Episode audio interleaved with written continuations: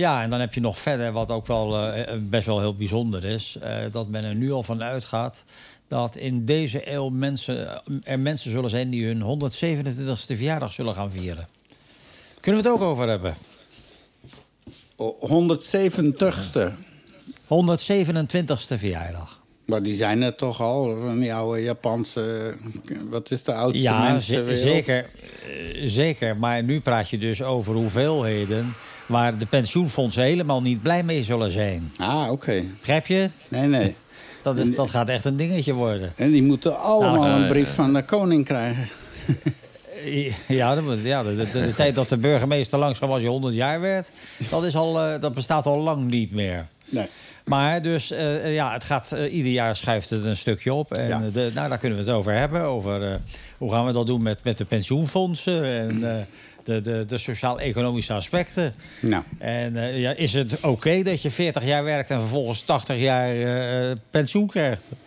Bij wijze van spreken. Enige vragen. Maar, dat zijn wel diep, vragen, vragen. diep filosofische vragen. eh. Ja, zouden op een of andere manier die mensen ook niet bijvoorbeeld vanaf 100 jaar kunnen recycleren of zo, dat je dan nog iets aan, dat dan nog opbrengt, zoals plastic en zo. Ja, dat was, de, dat was de film... eh, hoe was dat nou? Eh, ja, eh, Soylent Green. Soylent Green, exact. Soylent Green. Eh, uw tijd is om, meldt u zich maar aan. En dan werd je in een kamertje gezet met prachtige natuurbeelden en ve- vegan bosjes en zo. En dan werd je gewoon vermalen tot... eh, Nou, tot cookies, tot tot- cookies. ja, iedereen frat die koekjes. ja, ja. Ja, koekjes. Ja. Ja, dat is een weergaloze film, wel heel spannend. Zo echt typisch 70s ook allemaal, met heel veel Ja. dames met korte ik dan moeten ze... Ja, koekjes. En als je die koekjes opeet, dan, eh, dan worden 128 jaar. en elke, bij, elke, bij elke serie koekjes komt er een jaar bij. Nou ja, Ja, nou ja, dus, ja. wie zal het zeggen? Het gaat, eh, kijk eens, eh, toen in Nederland eh, de AOW kwam, dat, dat, dat kreeg iedereen die 65 jaar werd, die kreeg AOW. Dat heeft een toenmalige minister-president, de oude, oude, oude Drees senior, heeft dat voor elkaar gekregen. Dat was bedoeld voor dat ene jaar wat men gemiddeld ouder werd dan die 65 jaar. Dus je werd in die tijd gemiddeld eh, vij- 66 jaar. Ja, ja, ja. Dat is toch eigenlijk eh, heel bizar. En, en nu is het al zo dat eh, je, hebt, je hebt mensen die, die, die 90 zijn en, en de Everest weten te beklimmen of zo. Dus er is of de ruimte ingaan. zo hier en daar. ja, of de ruimte ingaan, zoals... eh, ja, zeker. Ja, die, die bij, met Jeff Bezos, die, ja. die eh, oude taart, zou ik maar zeggen. Die astronauten die dan toch nog een keertje naar de ruimte mag. Mocht. Fantastisch Nou, verhaal, toch? Ja. Nou, ja. zeker. Vond ik hartstikke leuk. All right. Hey, Ja. Nou, als we het toch maar over leuke dingen hebben, laten we het maar aftrappen. Ja, hè? Oké. Yes. ja, maar ik vind... Ja. Oh, oh, oh, sorry hoor. Wat? Wat? Oeps, oeps, oeps. Nee, nee, dat was oké. Ik dacht, ik wel, het, is, het is goed om te beginnen. En ik was iets ontzeggen en de muziek start niet. Dus, eh, Nou, zeg het nog eens als je durft. dus. Eh, nee, dat is gewoon, eh, jullie eh, praten met elkaar en ik dan af en toe ertussen. Ja, zo, ja. gewoon voor het, voor het geluid van die stemmen, dat is wel chic, hè? Ja. Nou, misschien, misschien kan, jij daar, kan jij daar een beetje galm op zetten. Dat je ook zo van heel ver weg komt. Nee, nee, nee, nee, dat is niet, dat is Nee, niet nee. de bedoeling. Nee, maar kom op, Eddie. Jij, jij moet toch ook op... Ik ga wat dingen op tafel leggen. En, en Ja, het is de natuurlijk, bedoeling dat we daar wat van vinden. Ja, hè? uiteraard. En dan, en dan triggert jou, want we hebben nu best wel wat spannende dingen. Ja, maar je weet als ik zeg de man zonder mening, dat dat sarcastisch bedoeld is. En, eh, ik heb dus heel, heel veel mening. Gezien, geweldig. Oh, ja. Ja, we hebben dus ook, dat is wel heel tof. eh Philippe, die heeft weer eens. eh, wij hadden vroeger, eh, dat was wel een hoogtepunt altijd. Hij graaft zich in eh, commentaren in het, eh, in het laatste nieuws. En dan, eh, dan doet hij daar dus op zijn manier uh, op die commentaren. En daar hebben we weer een prachtige bijdrage van. Dus, uh, dus ik zal met de drie artikels zal zien dat we het hier en daar even kunnen pauzeren. Maar uh, dat, dat gaat echt geweldig worden. Dus ik, ik zal de links één voor... oh, die staan al in de WhatsApp. Hij heeft ze in de groep gezet van de praattafelaars. Dus dat, oh, is, dat is een uh, sterkhouder. Want uh, ik ben blij dat hij eindelijk Gaaf. weer eens wat uh, yes. Yes, doen. Zeker. zeker. Ik vrees dat de haiku er dan wel tussenuit gaat vallen. Dus die zal ik maar meteen weghalen, want die, die hebben we niet. Die moeten we maar even overslaan. Begin ik weer met pek en veren. Het Vaticaan, ja, dat is een punchback. Hey, die moeten we nu even goed... Want Mario is ook een groot fan van de religie en de religieuzen... en nou, vooral het grondpersoneel. Nou, ik ben absoluut een, een heel... Ik ben echt... Ik beschouw mezelf als zijnde een vroom atheïst. Mm Begrijp je? Mhm. Dus ik, uh, ben, ik, ben daar zeker, uh, ik heb daar zeker een mening over. Laten we het daarop houden. Ah ja, je, je bent nog niet bereid om zo'n spaghetti-pan op je hoofd te zetten... van de Flying Spaghetti. Nou, dat... Uh, ja, de, de pas, pas, Pastafarians, daar was ik wel fan van. ja. ja. Er is, er is ook iemand geweest die, die, die een foto met, van zichzelf... met, met die vergiet op zijn kop in zijn paspoort heeft gekregen. Dat is toen ja, dat was, dat was uh, heel de issue natuurlijk. Om, om dat, ja. dat, dat, niet mocht geweigerd worden. Want uh, ik weet niet, een Jood mocht ook met zijn potsknop op de foto. Dus, Tuurlijk. Ja. En, als je, ja, en, er zijn mensen die claimen dat de Pastafarians... het vlieg, vliegend spaghetti monster... dat dat inderdaad een, een geloof is. Ja, want, want, het voldoet aan alle voorwaarden om een geloof te zijn. Er is een, hè, daarom hebben ze die een boek ook uitgebracht. Want als er geen boek is, is er geen geloof, zeggen ze. Dat is een van de voorwaarden. Er, er moet een heilig boek zijn over uw geloof. Voilà. En dan hebben ze dat, dat stripverhaal van die spaghetti-dingen. nou ja, zeker.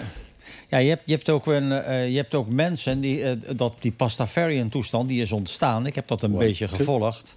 Uh, er was vroeger een, groof, een, een groep mensen die het geloof mo wilden moderniseren. en kwamen dus met, met de stelling van je hebt zoiets als intelligent design. Uh, de, dus, en dat, dat kan alleen door een, een schepsel als God zijn uh, gemaakt. Want je kan wetenschappelijk bewijzen dat de mens eigenlijk alleen maar uh, door een hogere macht geschapen kon zijn. Nou, toen hebben een aantal wetenschappers met exact dezelfde parameters hebben be bewezen dat de wereld geschapen is door het vliegend spaghetti-monster. Mm Dat was een soort. dat is dus eigenlijk.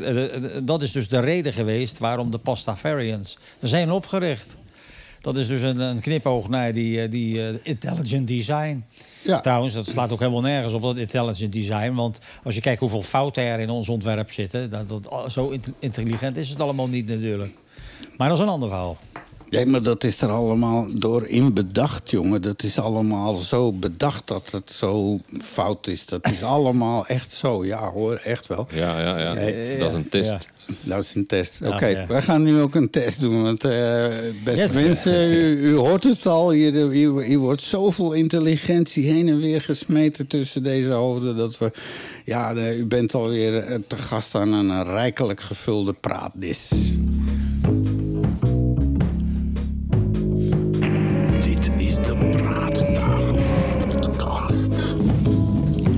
Het is vandaag woensdag 28 juli en dit is de 61ste aflevering. En wel de tweede in het 2.0 format met onze nieuwe vriend Eddie. In elk geval van mij vanuit Anvers, Bergen, een uh, fijne avond gewenst en welkom aan tafel. En hier uit Rotterdam, Mario Reget. Ik heb er zin in. Ik hoop dat jullie het ook allemaal leuk vinden. En uh, we gaan ervoor. Yes! Yes, en hier Eddy vanuit Reti in de Kempen. En uh, na de, de doping vorige week ook weer heel veel zin erin. Dus uh, let's go. Alrighty. Ik ga even snel een overzichtje doen. We hebben toch wat uh, clips vandaag. Uh, onder andere een bijdrage van Rijn over godshuizen. En we gaan het nog meer over God en Vaticaan en zondes hebben. Ehm, in ons pek en veer uh, stukje. Daarnaast heb ik toch wel weer een paar interessante opmerkingen van BDW. Dat is de burgemeester van Antwerpen, die tevens ook voorzitter en groot leider is van het, uh, het, het, het, NVA. Ja, dat is dus een hele rechtspartij die ook graag heel onafhankelijk wil zijn. die, die streven dus splitsing na met Walen. Dat is, en daar is hij al jaar en dag de grote voorzitter van. En hij is langs geweest bij meneer Rutte. Hè? En die is ook aan de rechtse kant. En uh, dat heeft iets heel interessants opgeleverd, Mario. Zowel voor jou als voor mij. En ook voor Eddie gaat er toch iets veranderen aan het firmament, vrees ik. Oh, ik ben benieuwd. Als hij het, als hij het allemaal uh, krijgt zoals hij wil, jongens, jongens, jongens. Ja. En dan uh, heel blij dat we weer een uh, bijdrage hebben van onze Filip. Hij heeft zich weer yes. uh, betrokken in zijn meest populaire bijdrage die hij altijd had. En hij begroef zich in de commentaren van het laatste nieuws. Dus dat is die onderkant van die pagina. En als je zo van Filip hoort, is het daar allemaal te beleven. Niet in het artikel zelf. Dus... Ja, het wordt geniaal. En uh, ja, voor, voor, ja, wat hebben we dan nog? Uh, pff, ja, ja, twee toffe clips. En dan Mario heeft wat nieuwtjes. Uh, dus ik zou zeggen, ja, laten we er maar aan beginnen, joh. Want het muziekje eindigt, geloof ik, nu. ja. Oké. Okay. Hey. Goed hey. zo. Ja, waar gaan we het niet over hebben? Ik word helemaal overstroomd door overstromingen. Het is iedere dag het begonnen in Luxemburg, toen in Duitsland, toen in Zuid-Duitsland en Oostenrijk. Nu Italië, daar drijven de auto's. We zien volgens mij steeds diezelfde video met al die rivieren van auto's die zo. Ja. Dat is gewoon één productiehuis. Het is, wat is hier aan de hand? En in China, de metro's uh, waar mensen... Heb je dat gezien? Die mensen die tot hun nek gewoon heel rustig nog aan het riempje staan in die, in die metro? Ja. Dat geloof je toch niet, hè? Als dat hier gebeurt, dan, dan, dan vechten ze elkaar de tent uit. En dan klauteren ze over elkaar heen en dan gaan de mensen worden doodgedrukt. Ja, en dan blijven ze staan. En dan stonden ze met een smile. stonden ze met een smile. Ja, het moest nog niet drie, vier centimeter hoger komen, hoor. Maar ja, het is natuurlijk wel, neem, neem Japan, daar heb je de, de metro. Uh, dat kan ik me ook niet voorstellen dat dat in België of in Nederland gebeurt. Maar dat is zo vol dat er mannen met borden staan die de, de mensen naar binnen aan het douwen zijn. Ja, ja. ja dat zijn de duwers, hè? De, de deurduwers. Hè? De deurduwers. Ja, de ja. Dus die moeten de mensen naar binnen duwen, want dan gaat er nog net 15 man extra naar binnen als je die goed hard aan als stomt. Uh, nou, dan, zeker. Uh, ja, en in, Nederland, dat... en in Nederland heb je een mislukt duo. Dat zijn de deurzakkers. Sorry. Ja, een open deur moet ik intrappen, jongens. Maar goed. Uh, ja. Maar het is wel bijzonder, inderdaad. De overstromingen en, en, en ook de droogtes hier en daar. Hè? Ja, dus dat is de andere de, de, dan. Uh, in Afrika nou ja, eigenlijk nu is het weer. hetzelfde. Ja, ja, eigenlijk is hetzelfde. Wat er nu gebeurt, is dat er is overal veel te veel verdamping door de opwarming. Dat betekent droog wordt droger en nat wordt natter. Ja, wat ze lieten zien uh, nu in Somalië weer en wat daar gebeurt... dat is op veel van die plaatsen... als het dus zo lang kei, kei droog is... dan wordt die grond als een soort beton. Vervolgens valt er een pak regen. En wat hebben ze dan? Overstromingen, want het water kan ja. de grond niet meer in. Dus dat is een soort loop ja. is er vertrokken... wat het steeds erger en erger maakt. Dus ja, dit is, is volgens mij uh, is al te laat, jongens. Laten we er maar uh, nog een feestje bouwen. Ik heb een biertje erbij. en, en zolang het nog duurt. Ja. ja, zeker. Ik bedoel, ik, ik zit uh, zoveel meter onder de zeespiegel hè, in Nederland. Dus ja, dat gaan interessante tijden worden. dat is een Chinese verwensing, hè? Dat weet je wel. Uh, als, als, iemand ja. uh, hier tegen zijn lazer op... Uh, ja, may you live in interesting times. ja, ja, zo is het, ja. Dus, nou ja. Alright, hey, um, eens even kijken, wat uh, gaan we doen? Ik denk dat we eerst maar eens even naar de burgemeester gaan van Antwerpen. Uh, nou, vorige ja. week had ik die minister met, zijn, uh, politieke, met de politieke reductiemachine. En ik denk dat ik hem deze week weer eens erbij kan halen. Waar is die nou? Ah ja. De politieke reductiemachine wordt opgestart. Nu uh, is er een paar weken geleden hier in Antwerpen een uh, ramp gebeurd. Hè? Dus uh, er is zo'n gebouw, in, een schoolgebouw in aanbouw... is tijdens het bouwwerken ingestort. Misschien heb je dat ook gezien, Mario. En er zijn ja. vijf doden bijgevallen. Het was echt een rampramp. Hè? En de ravage was ook onvoorstelbaar om te zien.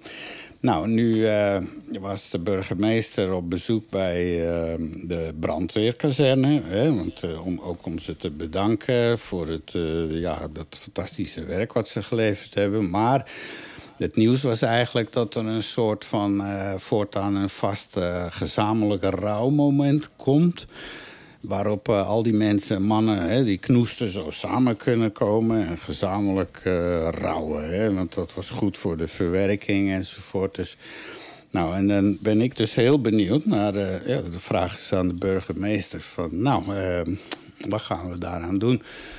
Dus ik zou zeggen, laten we eens gaan luisteren. En we horen eerst nog de vraag. Het is echt een super serieuze vraag. Hè? Want het gaat wel rouwen ja. om door je collega's en uh, mensen. En, en rouwverwerking. Mm Wat ze, ja, enzovoort, enzovoort. Nou.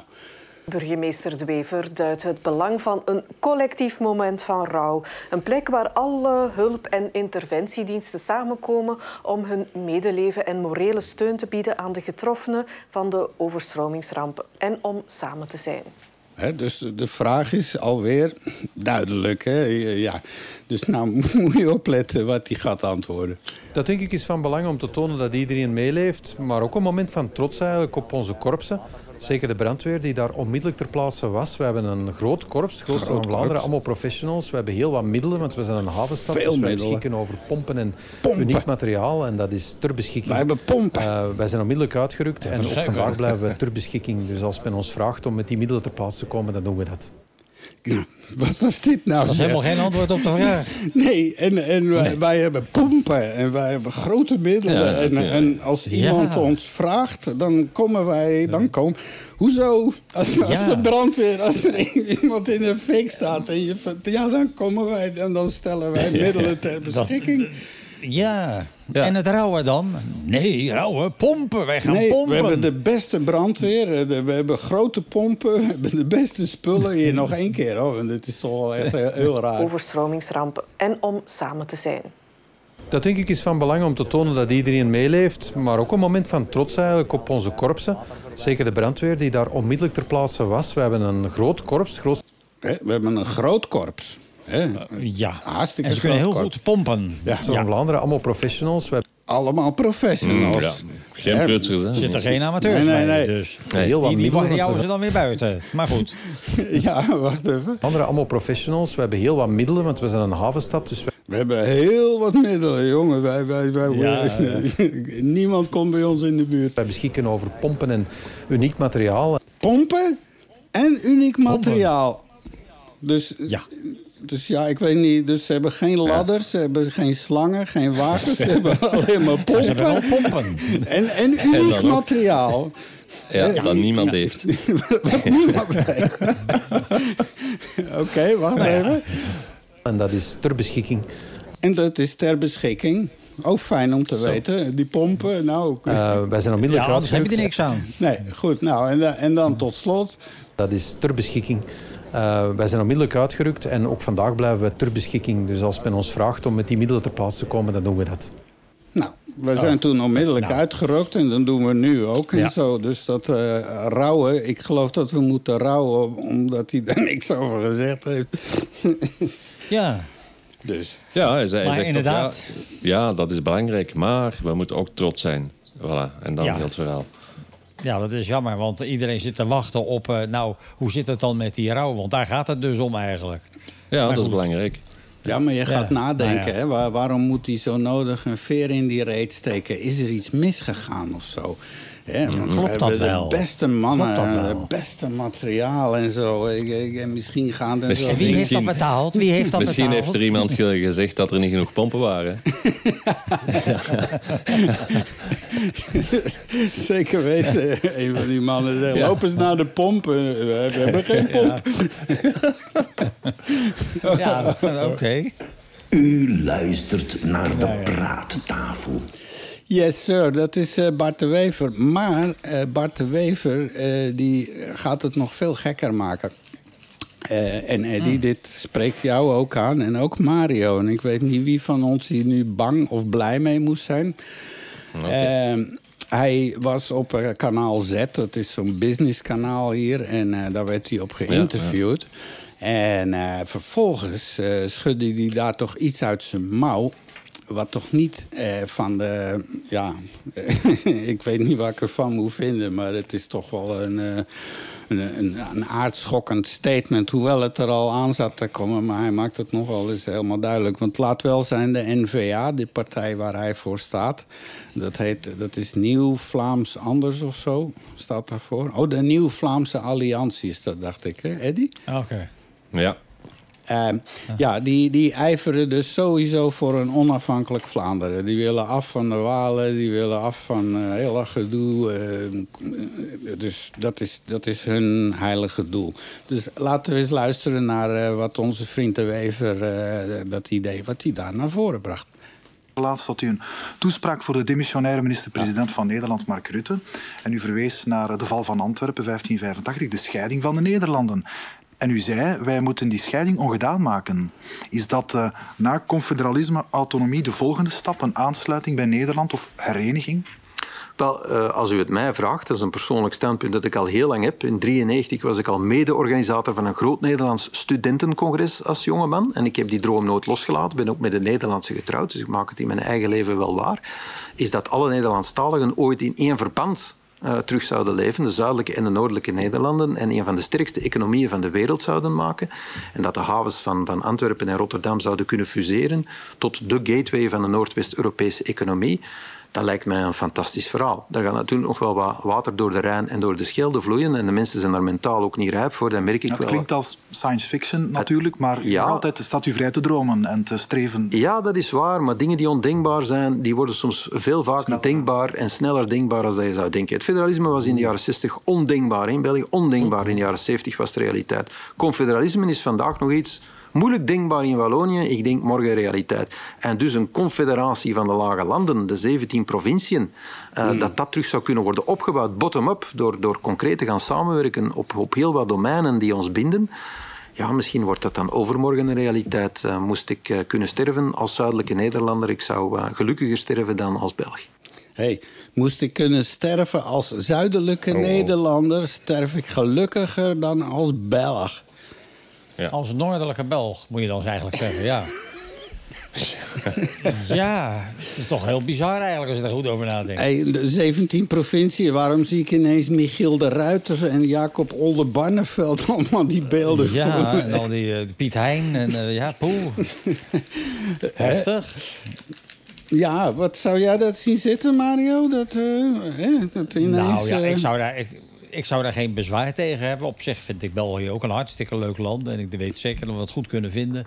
Dat gaat alleen niet gebeuren, want regeringen hebben wat met het autonoom zijn. Dat wordt tot op de bot bevochten.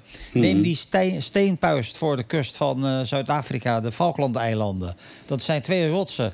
Daar is een oorlog om gevoerd, omdat dat eigenlijk uh, bij Engeland hoorde. Ja, ja. Nou, daar zitten tien schapen op. Dus uh, landen zijn erg, hoe zeg je dat, behoudend aangaande hun eigen territorium. Ja, dus, dus ik denk niet dat dat ooit zal gebeuren. Er zijn ook weinig voorbeelden van. Ja, we hebben dus één keer iets gebeurd waardoor dus in één keer een land dus uh, ontstond op, de, op een kunstmatige manier. Dat is, volgens mij is dat een paar jaar na de Tweede Wereldoorlog geboren. Dat zo is de staat Israël gevormd. En daar hebben we nu nog iedere dag last van. Dus ik denk niet dat dat gewoon een handige zet is dan. Landen moeten. Ik ben bang dat dat. dat ik zou het wel willen, maar ik denk niet dat dat gaat lukken. Nee, ik zie dat ook niet zitten. Want ik denk dat hier massaal verzet zou komen... dat we hier door die dominees gaan geregeerd worden en zo. Ja, want uh, Nederland zijn het land van de dominees... en hier zijn er toch nog de pastoren. Om simpel nou, gezegd. Uh, als, je, als, je het, als je het echt praktisch bekijkt... dan is er maar één goede oplossing. En dat is namelijk dat... Uh, Vlaanderen eh, fuseert met Frankrijk en Wallonië met Nederland. Ja, dat gaat heel interessant worden dan. Een beetje lastig, een beetje logistiek is toch onhandig Nou ja. lijkt me, maar goed. Nou ja, dan ga je naar Antwerpen en dan ben je echt in het buitenland. Ja, nou dat weet ik Ja. niet. Dan zitten wij weer met eh, Macron en zo, hè, Eddie? Dat is, eh, Ja, dat is nog ja wat. president. Dus Maar ik- ander. Maar ik zie wel gebeuren dat bijvoorbeeld al die kunstmatig samengestelde landen, zoals Joegoslavië destijds en Tsjechoslowakije, die vallen allemaal terug uiteen in hun afzonderlijke onderdelen. En ik zie België ook meer als een soort kunstmatig gemaakte staat.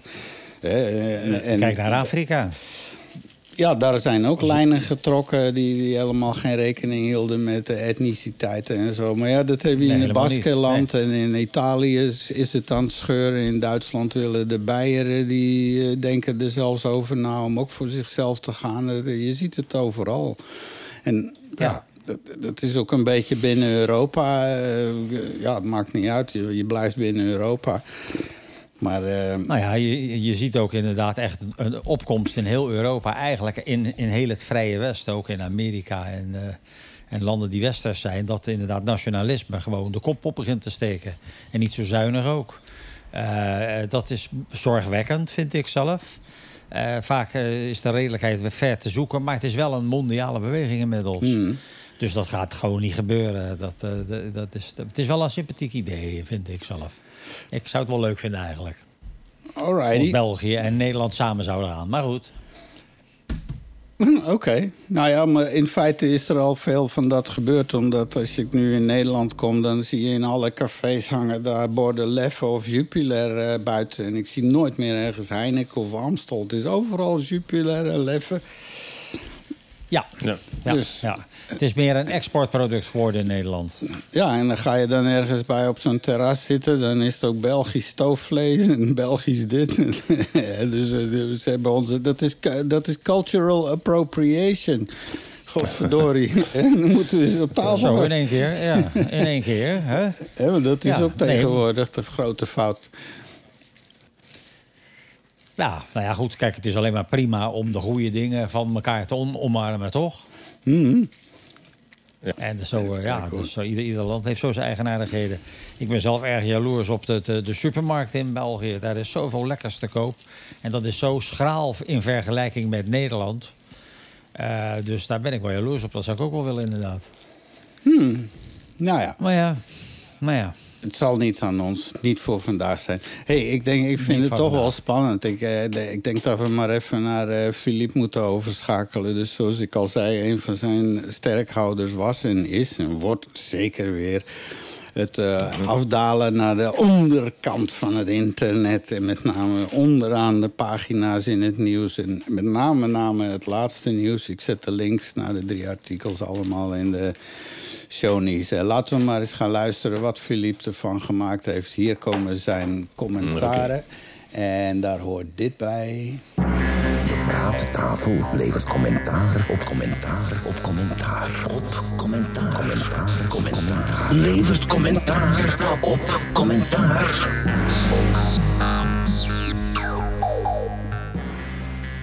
Dag beste praattafelaars en luisteraars. Mijn naam is Filip Ozier en ik eh, heet u van harte welkom in mijn rubriek De Commentaren op commentaren van commentaren met commentaren. Wij gaan vandaag eindelijk terug weer neerdalen in de riolen en grochten der Nederlandse journalistiek.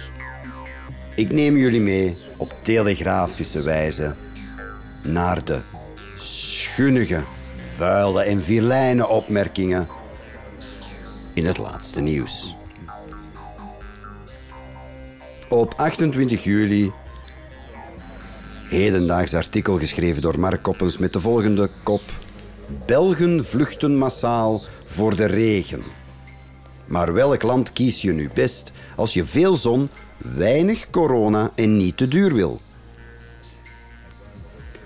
Het artikel beschrijft een beetje eh, een vraag van de journalist in kwestie waar Belgen nu massaal naartoe trekken. Het vakantiegedrag, zeg maar. Dus welk land kiest die Belg nu best? En Het artikel tracht informatief te zijn, maar is uiteraard slechts een commercial voor allerlei clichés. Bestemmingen, bestemmingen zoals Ibiza blijft populair. Ja, dat had ik ook kunnen zeggen zonder specialist te zijn in reizen en vakanties. Interessant wordt het natuurlijk om even het artikel links te laten liggen en te kijken of de modale Belg in dit geval een opinie heeft over dit artikel, naar waar men zou moeten gaan. We zien onmiddellijk enkele niet-neutrale mensen. Hè? Agnello Patricio, Portugal, zegt hij. Heel kort, Portugal. Geen reden, gewoon Portugal. En natuurlijk ook Daniel Tasevski, denk ik. eh, Ik denk niet dat hij volledig neutraal is door Noord-Macedonië met knipoog te zeggen. En ik denk dat zijn neef ook in de commentaarsectie aanwezig was met de mooie klinkende naam Suamet Demirovski. Want Noord-Macedonië is volgens hem zelfs lekker warm, goedkoop en groene zone. U ziet ook in de titel van het artikel. Welk land kies je nu best als je veel zon en weinig corona wil? Dus eh, de artikelschrijver gaat al akkoord met weinig corona. Dus een beetje corona in de voormiddag. eh, misschien met het hoofdgerecht eh, wat minder corona. En dan een soepje met nog wat corona in. Natuurlijk, we gaan verder met de commentaren. Didi Bellens zegt twee uur geleden... Super, zo hebben wij er minder last van. Dus die is blij dat er een hoop Belgen uit zijn Belgeland verdwijnen. Natuurlijk zijn er altijd de doemdenkers. Bart Timperman verdenk ik daar een heel klein beetje van. Hij schrijft... De landen met zon die nog groen kleuren veranderen allemaal naar rood. Na de doortocht van toeristen. Maar de economie moet blijven draaien. Centen zijn belangrijker dan onze gezondheid geworden. En Martine Daas, in zekere mate onderkoelend, voegt daaraan toe. Blijf gewoon thuis. Ja, we zien nog enkele positivo's, zoals Katrien Sulc. Zegt de Balkan, prachtig weer, goedkoop, prachtige natuur. En is een groene zone. Goed zo, lekker genieten. Maar nee, Dretty Monkey zegt thuis blijven moeten ze doen in deze coronaperiode. Ik schat dat de persoon een rijksagent op rust is. Er zijn er natuurlijk ook mensen die de moeite nemen om te komen zeggen dat ze helemaal niet op vakantie kunnen gaan, zoals Pikke Stoemp. Deze periode is voor mij een periode van harder werken. Nadien, als het moment er rijp voor is, zal ik nog wel kunnen reizen of feesten. Ik, pak, ik pas mij wel aan. Fantastisch. Dus Peke Stomp, ook een typische naam, eh, zet dus het internet aan om te zeggen van ik ben nog aan het werken, ik ga helemaal niet met vakantie, maar ik ga misschien later met vakantie. Het is een beetje om, eh, zoals te zeggen van eh, ja, het is, ik, ik ga eten, ik weet wel niet wat ik ga eten, maar ik, heb, ik zal wel honger krijgen. Niet dat ik honger heb, maar als ik niet eet, val ik dood natuurlijk. Dus ja, neemt een klein beetje het plezier uit het reisje natuurlijk. Er zijn ook de hele bezorgde mensen op eh, internet natuurlijk. Jean Vermoten. Van de regen naar de extreme hitte. Is dat een goed idee? En zo zie je maar dat er natuurlijk ook een Patrick Kennis is. En die zegt natuurlijk... Grenzen dicht voor het toerisme. In België is het ook plezant. Een ware patriot. Enkele weken na onze nationale feestdag. Nee, exact een week na, na onze nationale En feestdag. een klein regenbuitje. Maar ik had ook een heel ander eh, artikel gevonden. Het heeft een beetje met reizen te maken. Het is een heel treurig artikel natuurlijk. We hebben het gevonden in de Telegraaf. Jonge Nederlander op Mallorca aangevallen door zelfde dadergroep als Carlo. Niet om mee te lachen, uiteraard. Dat is niet mijn bedoeling. Maar we weten allemaal, tenzij men onder een steen leeft, omdat het in onze strot geduwd wordt, al die onheil en verschrikkelijke dingen die bij die mensen eh, te beurt vallen. Een jonge Nederlander, jammer genoeg, van de, met de naam eh, Carlo, is enkele dagen eh, geleden of enkele weken geleden in Mallorca aangevallen. En diezelfde dadergroep zou nu opnieuw een jonge Nederlander hebben ehm, gekwetst, aangevallen en bedreigd. Met een dubbele neusbreuk, etc. Het artikel beschrijft dat een vriendengroepje uit Noord-Holland gewoon gezellig in een uh, horecazaak was, maar dan meteen uh, enkele ruziezoekers uh, ontmoeten. En wel te verstaan, geen Mallorcaanse, dus geen Spaanse jongeren. het was een groepje ruziezoekers uit het Gooi. Istvan zal straks wel eventjes aan de Vlaamse luisteraars verklaren wat het gooi precies is. Dat is uh, de streek rondom Hilversum. Uh, er wonen heel veel rijke mensen. Heel verwend. Ik, ik, kan me heel denken dat het gaat om super verwende nesten. Ja? Zou zomaar kunnen. Ik weet het eigenlijk niet. Nee. Maar laten we absoluut geen vooringenomenheid of zo. Dat doen we niet. in Nederland. en dan zie je bij zulke dramatische berichten, dan zie je de, de commentaarschrijvers natuurlijk genieten en hun pen scherpen. En onmiddellijk voor rechter, getuige, uh, politieagent en politicus spelen. Zo zien we onmiddellijk Christian Smets. 20 jaar cel voor de daden en 20 jaar voor hun lafheid. Krapul, zegt Michel de Winter. Krapul met een groep groot lawaai. Alleen gaan ze lopen, zo kennen we die losers. De militaire taal, de, de Jamel zegt hopelijk krijgen ze hun verdiende loon. Dat is dan nog mooi, dat is dan nog neutraal. Hij laat het nog eventjes. Jamal El Arras laat het nog aan de rechter en de, de inrichtende machten over om er hierover te beraadslagen en te veroordelen.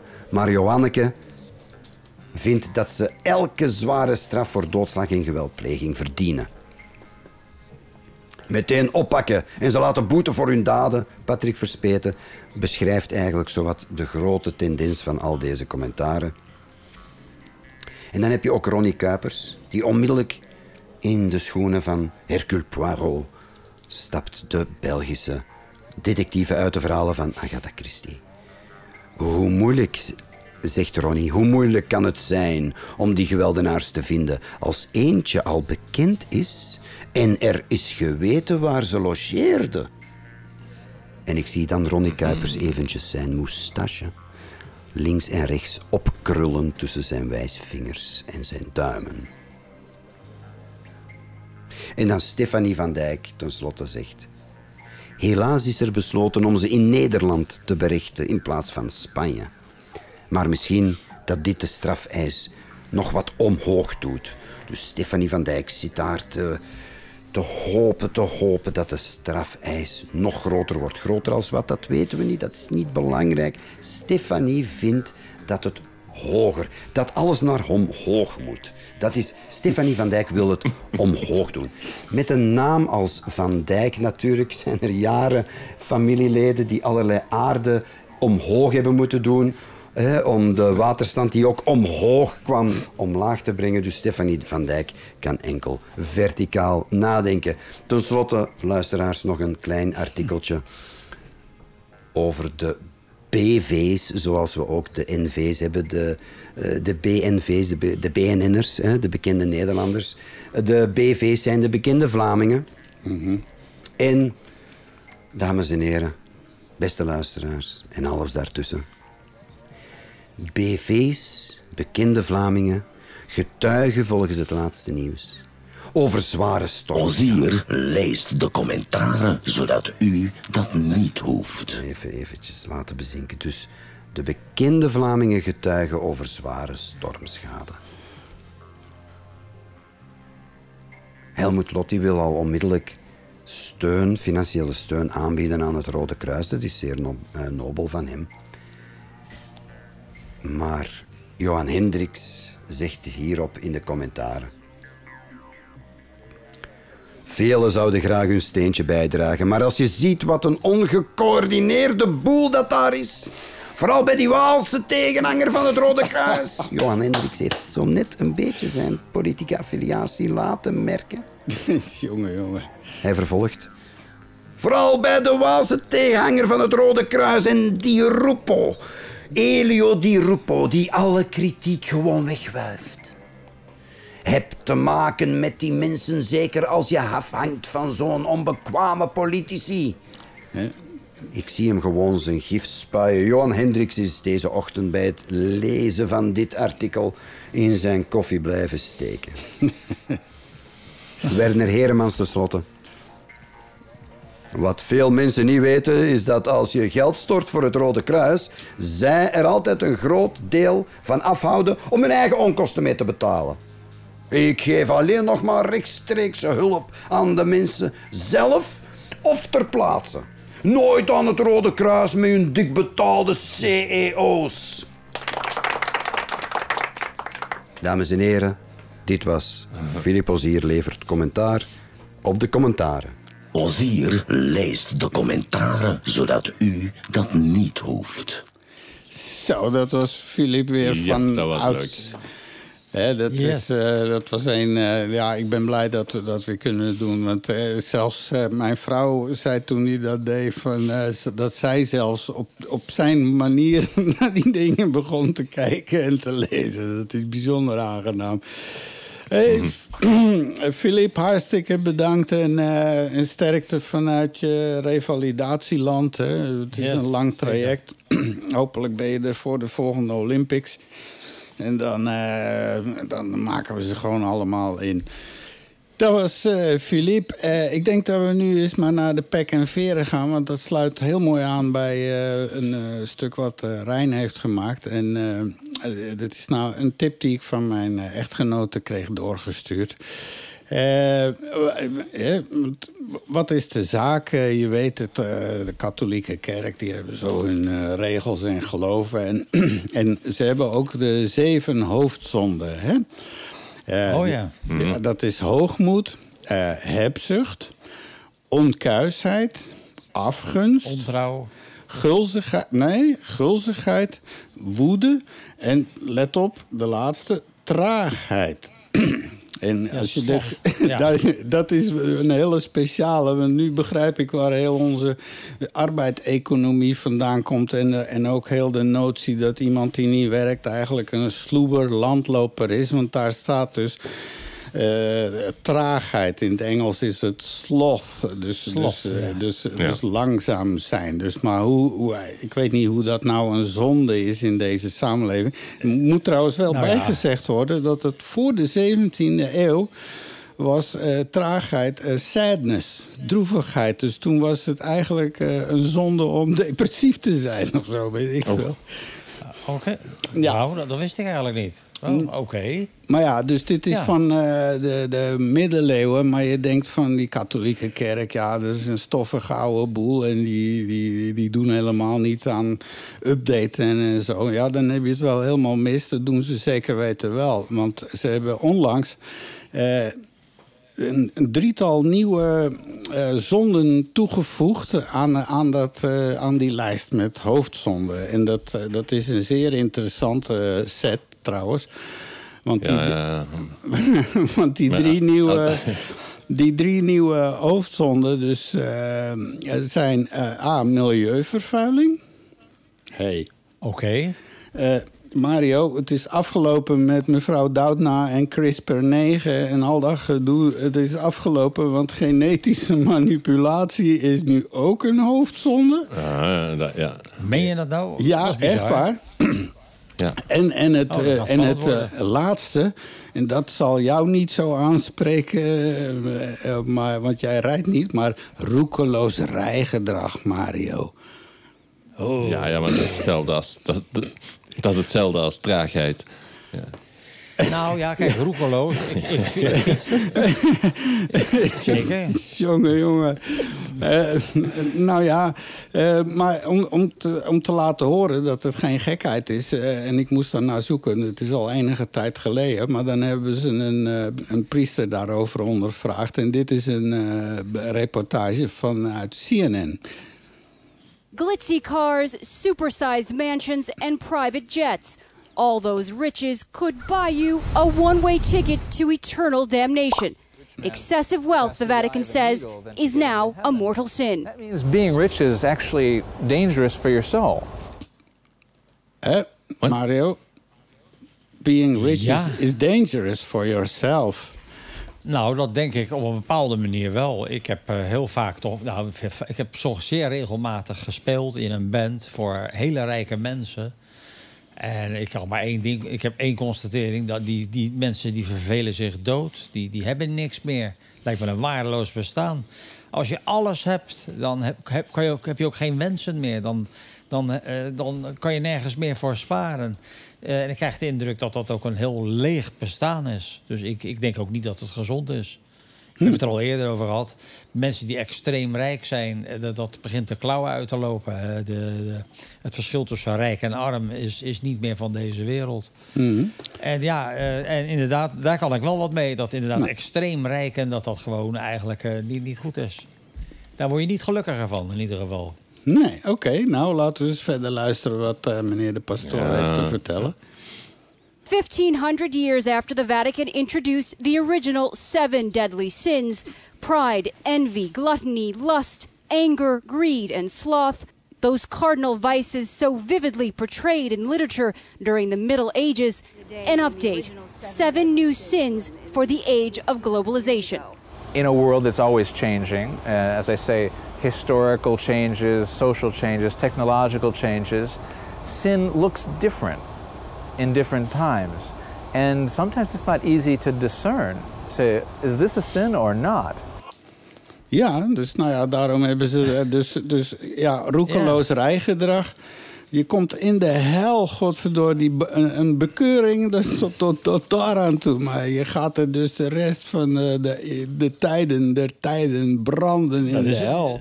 Ja. Jammer, ja, jammer, jammer, jammer, jammer. Wie heeft hier, hier eigenlijk de zeven hoofdzonden bedacht? Ja, de kerk. Begint daar eens mee. De, dat, is, dat is ja, de kerk, dat is goddelijke interventie. Eh, Eddie, kom op, je Ja, bent nu eh, blasfemeus ja, bezig, dat- hoor. Je brengt ons in Nee was, problemen. het, nee, was het de kerk of was het God? Net zoals dat, eh, dat er van alles op die steen was geschreven. Mm. Van ja, waar de- komt dat, die zeven hoofdzonden? Komt dat van God of komt dat van de mensen? Nee, ik denk dat het van de kerk komt, want de kerk bestaat. Ja, ja precies. Ja, Zo eenvoudig is het. Ja, oh, wacht. Ik zal nu die tada niet doen, anders Ja, maar, ja, maar dat, klopt ook voor een, dat klopt ook langs geen kanten, want als de kerk dat heeft bedacht, dan dan die spreken hun eigen zelf tegen. Als je kijkt, de, de paus, hoe dat hij naar zijn balkon stesselt, dat is dan een voorbeeld van traagheid. Nou, is hij gelijk in de huid. Ja, zo is het. Dat komt niet altijd dynamisch over. Nee. Ja, nou ja, dus- ja, dus ja, ach, het is een, het is een, het is een, een, ja, het is een uitstervend gebeuren in Nederland. Ik weet niet hoe dat in België is, maar in Nederland is al meer dan de helft van de mensen er eigenlijk klaar mee. Die beschouwen zichzelf als eh, zijnde eh, niet meer gelovig. En is dat bij België Ja. ook zo, of eh, wordt dat, is dat wat minder? Ja, tuurlijk, dat is ook zo. Ja. De Ja. kerken zijn leeg, hè? Ik, Het zijn alleen die alternatieve kerken die vol zitten, maar de, de christelijke katholieke kerken die zijn leeg. Hè? Ja, ja, ik Ja. weet, ik heb twee jaar geleden deden wij een, eh, een productie voor een soort opera. En we hebben toen een, eh, twee maanden lang in een kerk in Gent eh, gestaan. En daar konden we dus dag en nacht werken. Behalve die momenten als er nog kerkdiensten waren. En wat was het zo? Helemaal achteraan bij het koor hadden ze met een soort plexiglas een klein eh, ruimte van, ik denk, zes bij zes meter zo eh, dichtgemaakt. En daar kwamen dus al een paar van die rollatour-oudjes. Er was niemand onder de 70 bij. Dat was hun publiek nu. En dan doen ze nog steeds heel dat ceremonietje... zoveel de boel vol zit. Het was inderdaad echt letterlijk te zien dat een uitstervend... Zo'n enorme kerk, want dat was eh, Sint-Michiels. Dat is een gigantische kerk. Ja, daar komen dan misschien nog 10, 15 mensen komen daar voor de preek. Joh. Dat is echt een, een, een stoffig oud monument. Maar ja, kijk, voor, voor Ja. die, die mensen die, die zijn daarmee grootgebracht. En eh, het, het heeft ook zijn functie gehad, de kerk. Het heeft sociale cohesie eh, Hmm. eh, gebracht in, in, in, in moeilijke tijden. Ik kan me nog wel mijn jeugd herinneren. Ik- Mijn ouders waren katholiek, tenminste, dat, dat zeiden ze. Ik denk dat het ook wel meeviel. Maar in die tijd kocht je bij de, je vlees bij de katholieke slager... en eh, je, je brood bij de katholieke bakker... En ga zo maar door. Toen was het echt een, een sociaal, eh, eh, een, een, hoe zeg je dat? Het gaf, uh, cohesie aan, de- aan de... Het was ja, een- dat was verzuiling. En je Ja, was lid van de. KRO of van de NCRV of van de VARA. Als je rood was, dan Ja, was nee, je van de VARA. tuurlijk. Maar ja, we zitten nu in, in, het, in het decennium van het hyperindividualisme. En iedereen vindt zichzelf het centrum van het universum. Mhm. Dus je ziet inderdaad dat dit gewoon helemaal eh, in elkaar aan het storten is eigenlijk.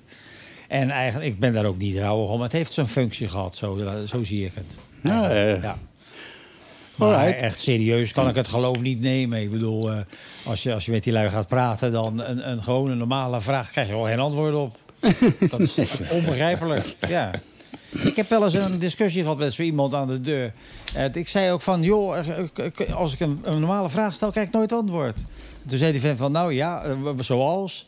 Ik zeg, nou, is er nu, is er nu bij u nou nooit een, een alarmbel gaan rinkelen... toen u er op enig moment achter kwam... dat het overduidelijk geografisch bepaald is in welke god u gaat geloven? Dus toen ho, ho, ho, ho, ho, ho. begon hij eh, een beetje moeilijk te kijken. Toen zei ik van ja, want, het is want ongetwijfeld bent u iemand met eh, religieuze gevoelens. Maar zou u toch door omstandigheden te vondeling zijn gelegd in Kathmandu, had hij nog steeds die religieuze gevo- eh, gevoelens. Alleen dan zat u nu in een oranje Sinterklaas onderjurk met een kale kop aan een molentje te draaien. Nou, toen droop hij af. Hmm. Begrijp je wat ik bedoel? Je kan niks vragen. Er wordt, je krijgt geen antwoord op reële vragen. Dus het eh, geloof aan zich is eigenlijk eh, uitstervende in West-Europa. Tenminste, in, eh, in noordelijke Europa zou ik zo zeggen. Want in het zuiden heb je nog best wel veel... is, is dat er nog wel natuurlijk, eigenlijk. Je ziet ook in, in de Scandinavische landen is het helemaal leeggelopen. Eh, ik, ja, dus ik vind het wel een interessante ontwikkeling eigenlijk. En hoe is het in België daar? Je bedoelt met, met de kerken leeglopen en zo? Ja, maar het is natuurlijk een veel katholieker land natuurlijk, België. Nou, veel katholiek. Dat is gewoon katholiek, punt. Er is hier... Ja. eh, protestantisme is hier nooit van de grond gekomen. En, eh, je, je, je ziet Oké. hier... eh, nee, nee, absoluut niet. Op geen enkele manier. hoor. Nee, Nee, maar is- je hebt hier dan weer wel eh, heel, wat, wat heel sterk aanwezig is hier. Ik heb dat gemerkt in de buurt waar ik woon, in, eh, of woonde, in de hoofdstad van de Kempen. Heel veel, hoe moet ik het zeggen, heel veel zwarte mensen. En de, dat is niet christelijk of katholiek, maar dat is de evangelische kerk. Ja, ja. Die is nu aan het En ja, overnemen. dat is- Ja, dat, dat is vol een, vol een bak. Hè. Onze kerken staan leeg, maar die eva- evangelische kerk, die hun lokalen, want die doen dat in eh, gehuurde lokalen en zo. Eh, dat zit protten te vol. Eh, die zitten dan met drumstellen lawaai te maken. eh. Ja, Dat- hier, hetzelfde. Hier in Bergen ook heb je een aantal van die... eh, en met die prachtige borden. En het mooiste vind ik altijd die vrouwen die daarheen gaan. Die gaan dan altijd zo helemaal waanzinnig uitgedost. Ja, ja, ja, een ja, ja. kleuren, Die gaan een naar een explosie. Erg eh, Erg kleurrijk. Erg ja, ja, laat, laat ze plezier. Maar dat is inderdaad zo, eh, dat inderdaad in Afrika ook, hè, die, die kerken, dat is daar big, big, big business, jongen. Ja, maar dan moet, eh, het, en dat is allemaal wel chic, die, die kleuren en zo. Maar als je dan ziet waar die mannen mee bezig zijn. En, en dan van die heel grote wereldconferenties, bijeenkomsten, waarbij dat er zo'n hele hoge pief. eh, pastoor eh, de, de mensen allemaal op de grond laat vallen en geneest van hun eh, Ja, ja, ja, ja, handicaps ja. en weet ik veel wat. eh, En dat is vervolgens... echt niet ben- normaal. Nee, Echt en dan niet heb je nog de televisiedominees die er grof aan verdienen. En je hebt, Ja. eh, het is een verdienmodel geworden. Ik heb trouwens, tv, eh, ben ik bang. Ja, er was een eh, tijdje geleden was er hier op eh, televisie, eh, ik denk op Canvas, een docu over een, eh, over een gast in Thailand. Die ook een soort secte-toestand heeft eh, opgestart. En die, wordt zelfs verdacht en die is nu onvindbaar, want het gerecht zit achter hem aan. En die heeft dus honderden miljoenen en daar zijn paleizen en dingen gebouwd. Die, die word je helemaal, dat lijkt wel een luchthaven zo groot, weet je wel, van die complexen en zo. En er zitten allemaal mensen in uniform achter. En daar komen mensen, die, die Thais, die komen dan de helft van hun salaris daar brengen. En met, en met cashmachines kunnen ze. Dat is ongelooflijk geïndustrialiseerde afpersing en fraude. joh. De- Ja. Mensen willen geloven, dat is het. Mensen die willen gewoon houvast hebben. En dan zijn er van die charlatans die daar grof aan verdienen, die, die leveren. Hè? Dus, en het is ook best wel prettig natuurlijk. Als je namelijk gelooft, dan hoef je ook geen moeite te doen om zelf na te denken. Dan is het allemaal voor je geregeld. Dat is een beetje natuurlijk het, eh, het, het, het businessmodel van dat hele gebeuren. Waar geloof je in? Yes, hey, over geloven. U luistert naar de praattafel. Nog even een shout-out naar Nou. eh, mijn maat eh, Sergi... die al deze eh, stemmen heeft ingesproken. Met, hij heeft een, gewoon een geweldige stem. U luistert naar de praattafel. Zo, dat was dubbel op. Net zoals bij de Teletubbies. Twee keer alles. Hey, ik denk dat het nu, omdat we toch met die godshuizen... en vooral het personeel ervan bezig zijn... ik denk dat we nu een mooi moment hebben om eens te gaan luisteren... naar een bijdrage van onze vaste columnist uit Amsterdam. Meneer eh, Rijn. Hij is eh, historicus. Hij is eh, duidelijk Ja. van... eh, ja, hij heeft zijn eigen zo politieke smaak en voorkeuren... Eh, we gaan eens kijken. Hij heeft deze week weer een uiterst nauwkeurig, uiterst mooi uitgewerkte bijdrage geleverd eh, over het fenomeen open de godshuizen. Hier is Rijn en we maken verbinding met Den Amsterdam. Open de godshuizen. Wie het nog niet weet, elk jaar op de derde zondag in januari is er de Wereldreligiedag. Het initiatief werd in 1950 tot de Nationale Spirituele Vergadering van de Baha'i in de Verenigde Staten genomen, om de overeenkomsten van alle wereldreligies te benadrukken. De Wereldreligiedag zou er zijn om verder te kijken dan onze neus lang is en dus om meer te leren over en van andere religies. Op deze dag willen niet alleen het recht op een vrije uitoefening van religie onderstrepen, maar ook beter over de verschillende religies voorlichten. Want om andere religies te kunnen tolereren en jouw geloof niet als de enige juiste te zien, is het belangrijk om ze beter te leren kennen en te begrijpen. Vandaag de dag telt men tot de wereldreligies de vijf grootste religies ter wereld. Het christendom met ongeveer 2,1 miljard volgelingen. De islam ongeveer met 1,3 miljard volgers. Het hindoeïsme met ongeveer 850 miljoen volgers. Het boeddhisme met ongeveer 450 miljoen volgers. En het jodendom met ongeveer 15 miljoen volgers. Meer dan 2 miljard mensen geven aan niet gelovig te zijn. Wat verbindt gelovigen en niet-gelovigen met elkaar? Wat verbindt christenen met alle andere gelovigen? Welk verlangen woont in het binnenste van alle mensen? Hoe kunnen we hoop houden in deze tijden van een wereldwijde epidemie? Hoe kunnen wij degene bijstaan die het risico lopen door waanhoop en resignatie ten onder te gaan? Hoe komen wij in contact en tot gesprek met elkaar? Hoe kunnen wij ontdekken wat ons verbindt? Op de grootste piek van de pandemie in het Verenigd Koninkrijk tot nu toe werden de kathedralen geopend om mensen te vaccineren tegen het virus. Aan het begin van de pandemie zagen we de kerk van Bergamo vol doodskisten voor de aan corona overledenen. De televisie meldt de kerken als nieuwe hotspots van infecties nadat Nederlandse fundamentalistische christenen massaal voor de zondaagse diensten naar de kerk kwamen, ondanks waarschuwingen. De kerk is altijd een plaats van leven en dood geweest en moet derhalve ook een actieve positie innemen ten aanzien van de situatie in de wereld waarin de mensheid met de coronapandemie overgeleverd is aan een ernstig gevaar. Het gaat letterlijk over leven en dood. Niet alleen voor het individu, maar potentieel ook voor de hele mensheid. Het is dan ook met enige voldoening dat ik naar het hoofd van de katholieke kerk kijk, naar paus Franciscus, die regelmatig van zich laat horen. In een interview zei hij: Het is waar dat verschillende regeringen voorbeeldige maatregelen hebben genomen om de bevolking te beschermen op basis van duidelijke prioriteiten. Geeft hij toe, maar waarschuwt tevens dat we moeten beseffen dat al ons denken, of we het leuk vinden of niet, gevormd is rond de economie. In de wereld van de financiën lijkt het normaal geworden om mensenlevens op te offeren, om een politiek van de wegwerpcultuur te bedrijven van het begin tot het eind van het leven. Want deze crisis raakt ons allemaal, rijk en arm, en plaatst een schijnwerper op hypocrisie. Ik maak me zorgen over de hypocrisie van bepaalde personen binnen de politiek. Die spreken over het tegengaan van de crisis, van het probleem van honger in de wereld, naar die tegelijkertijd wapens produceren. Dit is een tijd om zich te bekeren van dergelijke functionerende hypocrisie. Dit is een tijd voor integriteit. Oftewel, we zijn consequent in onze overtuigingen of we verliezen alles. Aldus Paus Franciscus. In deze tijd, waarin het echt gaat om leven en dood, zouden eigenlijk alle godshuizen, indien ze deze naam willen blijven claimen, hun deuren en poorten voor de mensen moeten openen.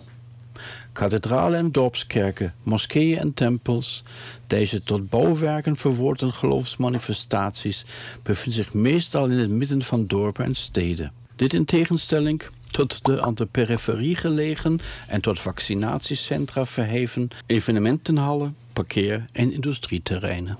De godshuizen zouden weer plaatsen worden van de triomf van het leven over de dood. Met andere woorden, in navolging van de Engelse kathedralen zouden deze godshuizen overal ter wereld centra worden waar de mensen zich tegen het coronavirus kunnen laten inenten.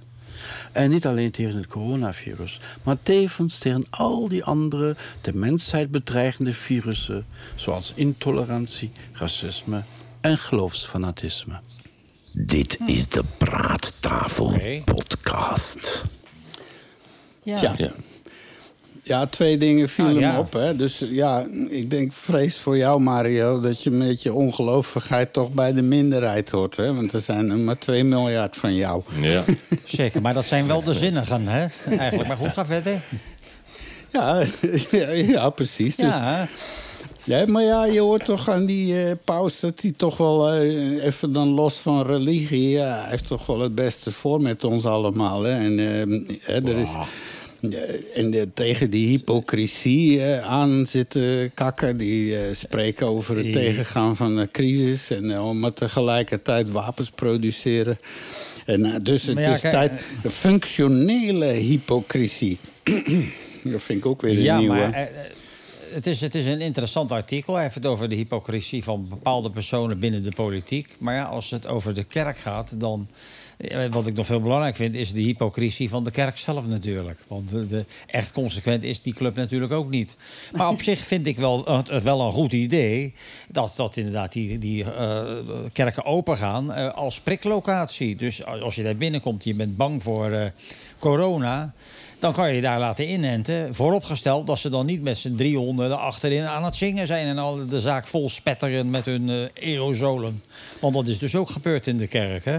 Eh, de hele, ker- hele kerkkoren zijn besmet geweest in Nederland. En dat was in één keer gelijk een... eh, nou ja, eh, en dat vond ik eigenlijk ook helemaal geen punt. Want inderdaad, eh, God eh, zorgt voor alles. Dus als je daarin gelooft... Dan, eh, ja, dan hoort die besmetting daar vermoedelijk ook bij. Maar inderdaad, oké, het is, het is, het is een, een, een leuk statement, absoluut. Ja. Alrighty. Eh, goed zo. Eh, nou, ik ben heel Ja. benieuwd naar de, de volgende eh bijdragen van Rijn. En ja, de, de- er werd ook gezegd... de kerk is altijd een plaats van leven en dood geweest. hè. begrafenissen, geboortenissen enzovoort.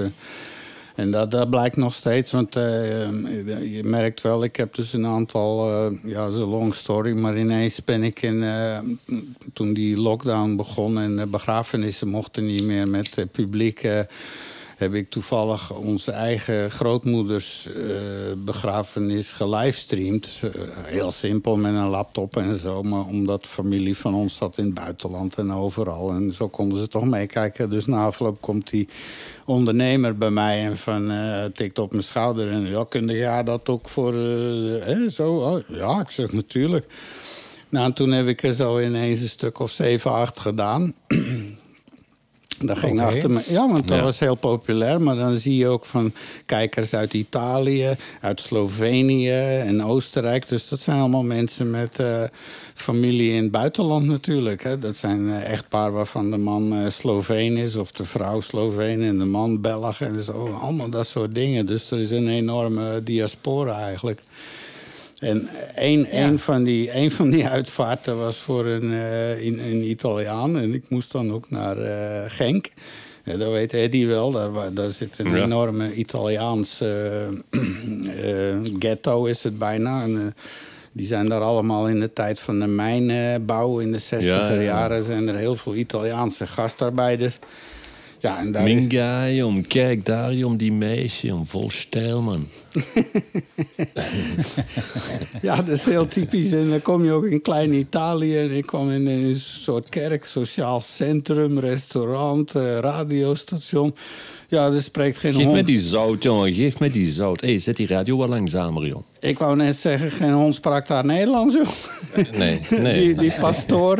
Ik zag nu toevallig die pastoor. Is een beetje een hippie-uitstraling met lang haar. En die kon dan in het journaal wel hele moeilijke een paar woorden Nederlands spreken voor die overstroming. Maar, maar eh, of nee, dat was toen met de voetbal. Want ze zijn natuurlijk wereldkampioen geworden. Toen, toen zag je de pastoor. Maar ja, dat is zo'n enclave. Dat is heel vreemd. Ik weet niet, in Nederland heb je niet zo van die typische enclaves, denk ik. Ja, nee, niet echt. Ik denk niet zoals bij jullie eigenlijk. Maar ja, eh, er zijn natuurlijk altijd wel ge- geïsoleerde groepen hier en daar. Eh, maar daar weet ik eigenlijk niet al te veel van, moet ik eerlijk zeggen. Want eh, ja, dat was echt in de mijngebieden. Dat zou dan in Limburg ja, ja, moeten door de zijn. mijn, ja. Want bij- wij hadden niet zoveel, eh we hadden niet zoveel mijnen. We hadden meer iets met de zijnen. eh, ja, inderdaad. Ja. Dus, is hé hey jongens, even, even kijken. Nou, eh, we zijn toch al aardig bezig. Intussen had Mario had toch nog wel ook een paar nieuwtjes. Of hebben we alles al gehad, denk je? Eh, Want je zei dat je nog wat... Nou ja, Ja. kijk, wat ik, wat ik wel een interessant artikel vond, eh, is dat, dat dat werd, was van, van de week op het nieuws. Eh, zes mensen zijn overleden aan illegaal verkocht zelfdodingsmiddel. Ah ja, ja. de de- verdachte had honderden afnemers. In Nederland heb je zo'n eh, clubje en dat is een stichting die helpt bij de stichting Laatste, of coöperatie Laatste Wil is dat. En dat, die zet zich in om mensen op een humane manier zelfstandig een einde te kunnen maken aan het leven.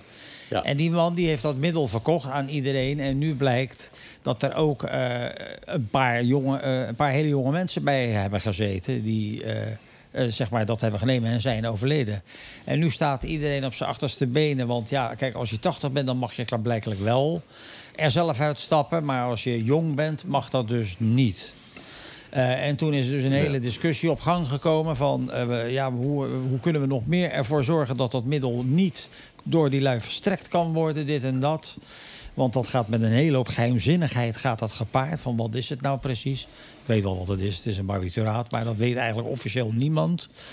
Eh, totdat het bleek dat je het gewoon in België kan kopen. Bij de apotheek. Ja. Prachtig, Europa, al die landen. Ja. Dus, dus, eh, en, en die man die dus, dat is dus, die man is dus aangehouden voor al die. eh, en hij leeft ook echt van, van de verkoop van die spulletjes die hij gewoon in de, in de apotheek bij België kocht. Dus dat was eigenlijk mijn, mijn nieuwtje. En eh, hebben jullie ook zoiets in België, zo'n eh, stichting euthanasie of iets? Nee, wij gaan dat gewoon in een apotheek halen. Maar eh, Nou, je hebt wel. eh, ja, Nou logisch. ik, ik, ik, Ja. ik, heb wel een, ik heb wel een handleiding ge- gevonden voor als je er echt uit wilt stappen. Dat je, dat je kan het ook zelf doen met, een, met helium. Hè? En je, en Ja, je kan ja, bij voilà, de dat is het ballonnenwinkel. Ja, dus je hebt dus een, eh, een website met de top 10 van de meest eh, favoriete manieren om eruit te stappen. En Ja. helium staat dus bovenaan als het meest Ja. pijnloze en, en ja. het Je minst slaapt als het ware in. Je doet de zak over je hoofd. Je zet, je zet de zak de over je hoofd. Je zet het over. gas aan. En dan, dan spreek je je laatste woorden. Zo, dat was het dan.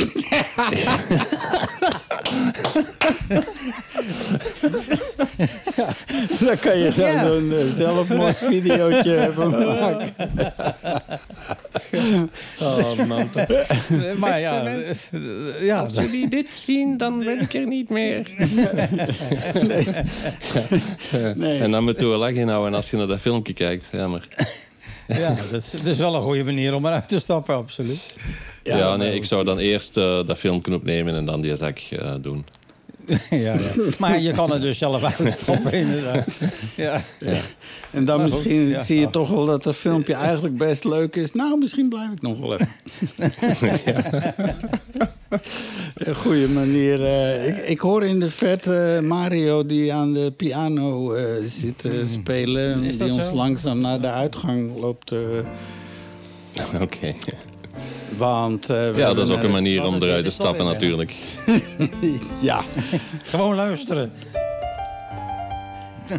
ja, een beetje melodramatisch. Want dit is wel het leukste, wat mij betreft, het leukste uurtje van de week. Ik zie hier heel erg naar het uit. leukste uurtje van de week, ja. ja. En Yes. ehm, het is altijd heerlijk om even gewoon fijn van gedachten te kunnen wisselen met eh, een paar intelligente mensen. Hè, tenminste, waarvan ik dat dan verdenk, zeg maar. Maar ja, wie ben ik? Waarvan ik dat dacht. dacht en zijn. Hey, nog eens een keer eh, hartstikke bedankt aan eh Rijn uit Amsterdam. en natuurlijk. Philippe. Eh, jongen, dat was Zeker. geweldig. Echt van genoten en genieten. En eh, dit weekend weer een eh, Formule 1 race. eh, maar daar zijn jullie ook niet mee bezig. Maar voor ons is dat een religieus hoogtepunt, jongen. En, Is dat zo? ja, nou ja, kijk, ergens hebben we allemaal zo onze typische gedragingen en patronen. En of je het nou in een groot gebouw doet of met iets anders. We, we, hebben allemaal wel een hang-upje of zo. Maar dat is misschien iets voor de volgende praattafel. Leg je hang-up op tafel. Kan. Ja, zolang het radio is, eh, oké. Een heel nieuw soort podcast. Zeker. Mensen, we zijn hartstikke benieuwd naar eh, jullie reacties. Eh, ik zie aan de cijfers dat het toch weer een- aan het oppikken is. De feed werkt nog steeds, gelukkig. Ja. En ehm, Oh, beide luisteraars zijn weer terug. ja, één in het linker. Ja, die hebben zo'n Walkman met twee oortjes. Hè? Die kunnen samen... Oh, dus, ehm, Zijn ze met z'n vieren, kunnen ze luisteren, ja. Ja. Ja, wat, ja. wat wel niet meetelt bij die podcast is al die cassettes die ze maken van de, en illegaal verspreiden zo. Hè. Ja, echt.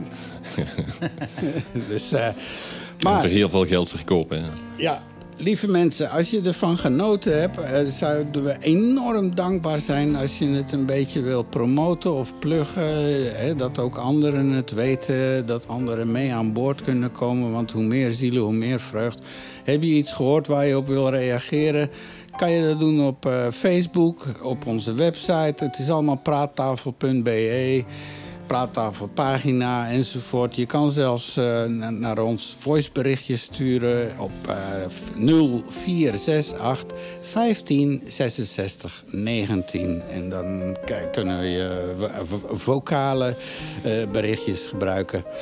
Dan nog een dankje dus, ik zei al aan eh Rijn en natuurlijk aan Filip. En dan verder shout-out naar Bert Lezy, Curry en Dvorak, Shay Stevens, Serge Verstokt, blablabla, Zinzi, eh, Rijn en Gerrit. Die heb ik allemaal genoemd. Jongens, wat mij betreft zou ik zeggen van...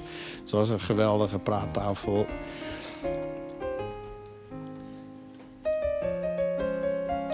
Het is stil aan de overkant. Oh, nou, Oh ja, eh, Oh, ja, ja. ja. Oh, oh, man, helemaal. Wat hebben jullie op? Nou ja, tot volgende week dan. Yes, het was heel leuk. Tot de volgende week dan maar. Ja, en ik zou er nog eens uit willen gaan met de woorden van eh, meneer McLuhan. En, eh, dus het is een klein toespraakje wat hij heeft gehouden. En let wel, Eddie, eh, hoe oud was jij in 1967? Ehm, Toen was ik twee. Oké, let op. Uh, global village is a world in which you have extreme concern with everybody else's business. Nou, dat heeft u toen al voorspeld. hey, ik zou zeggen... Nagaan. Ja. Ja. Gaan we volgende zeker. keer misschien uitgebreid aandacht aan eh, Marshall McLuhan. Fantastisch. Ja, ja, ja, goed idee. Mooie praattafel, tot ziens. Bye bye. Bye bye allen. Bye. Tot volgende week. U luistert naar de Praattafel Podcast.